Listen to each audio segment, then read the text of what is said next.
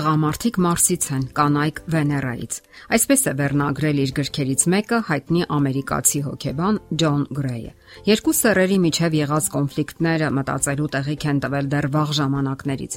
Երբ զուգընկերների միջև ինչ որ խնդիրներ են առաջանում, մարդիկ սկսում են այն բացատրել կողակցի սեռով։ Բոլոր խնդիրների պատճառը բացատրվում է նրանով, որ մեկը կին է, մյուսը տղամարդ։ Այդ պատճառով նրանք չեն կարող հասկանալ իրար։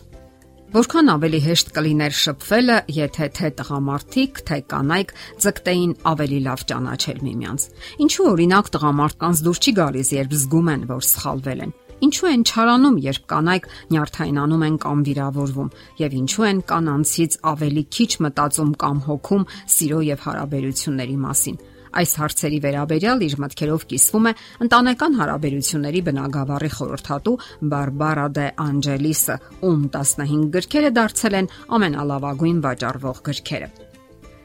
Եվ այսպես, տղամարդիկ ատում են սխալված լինելը։ Պատկերացնենք այսպիսի իրավիճակ։ Տղան ու աղջիկը մեքենայով անծանոթ քաղաքում են։ Տղան շփոթել է ճանապարհը։ Ըստ ուղեցույցի նրանք վաղուց պետք է ժամանման վայրում լինեին, սակայն տղան ակնհայտորեն սխալվել է։ Աղջիկը երկչոտ շրջվում է դեպի տղան եւ ասում. Սիրելիս, եկ կանգնենք եւ որևէ մեկից հարցնենք ճանապարհը։ Տրամաբանական առաջարկություն է, այնպես չէ։ Սակայն ի զարմանս աղջկա տղան այնպիսի չարությամբ ու բարկացած է արձագանքում, կարծես այսպիսի առաջարկ են արել։ Սիրելիս, եկ կտրենք քո ձեռքը կամ ոտքը։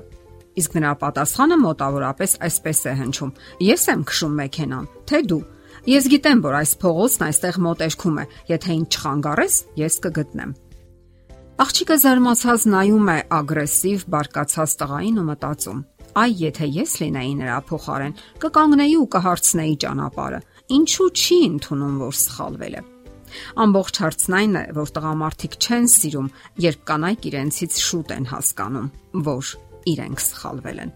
Նրանք իհարկե հասկանում են, որ սխալ են, սակայն չեն սիրում ակնարկներն անգամ այդ մասին։ Նրանց համար անտանելի է այդ միտքն անգամ։ Երբ կինը անմեղ ձևով առաջարկում է այլ կերպ անել այս կամ այն բանը կամ իր օգնությունն է առաջարկում, տղամարդը չի լսում նրա ասածը։ Պարզապես այսպես է թարգմանում այդ առաջարկությունը դու սխալ ես թույլ տվել։ Դու բավականաչափ լավը չես կամ ոչ մի բանի պիտանի չես։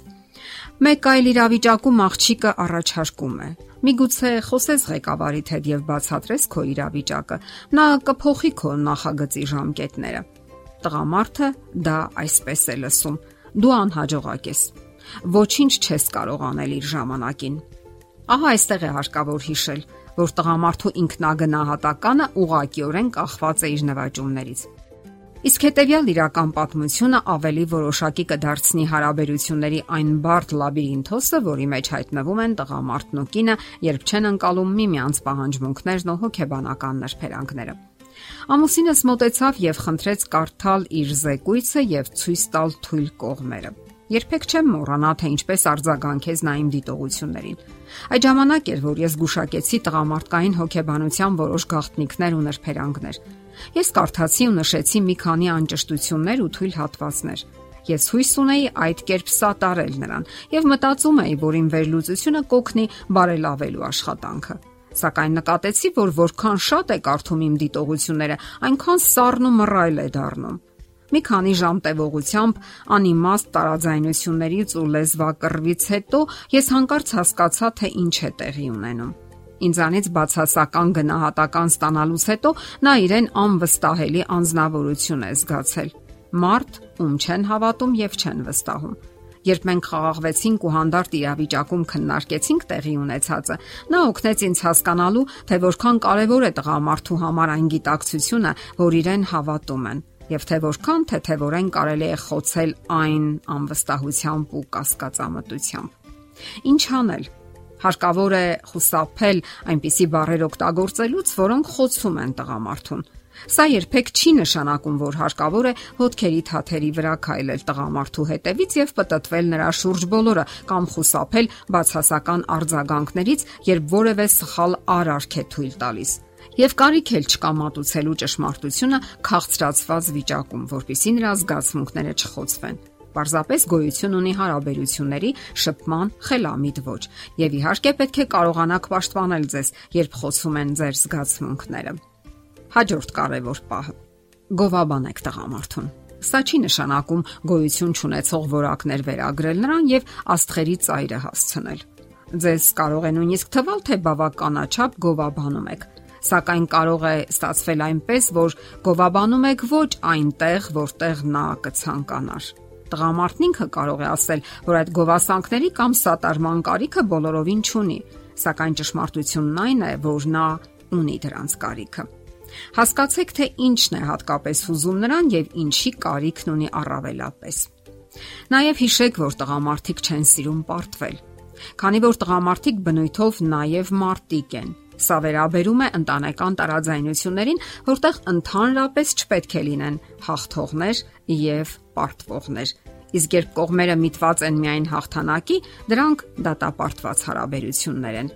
Անհամեմատ ավելի ճիշտ է վեճի ժամանակ հասկանալ դիմացինի կարիքներն ու հույզերը, չդատապարտել եւ հատկապես չձգտել հաղթանակի։ Շատ կանայք ձգտում են ամեն գնով հաղթանակ կորզել, ինչը խոցում է այրական հպարտությունն ու ինքնասիրությունը։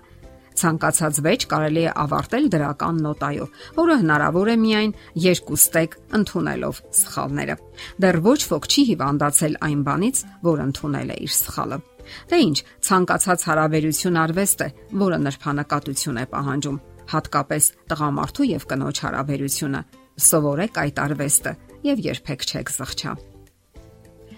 Եթերում ճանապար երկուսով հաղորդաշարներ։ Ձեզ հետ է Գեղեցիկ Մարտիրոսյանը։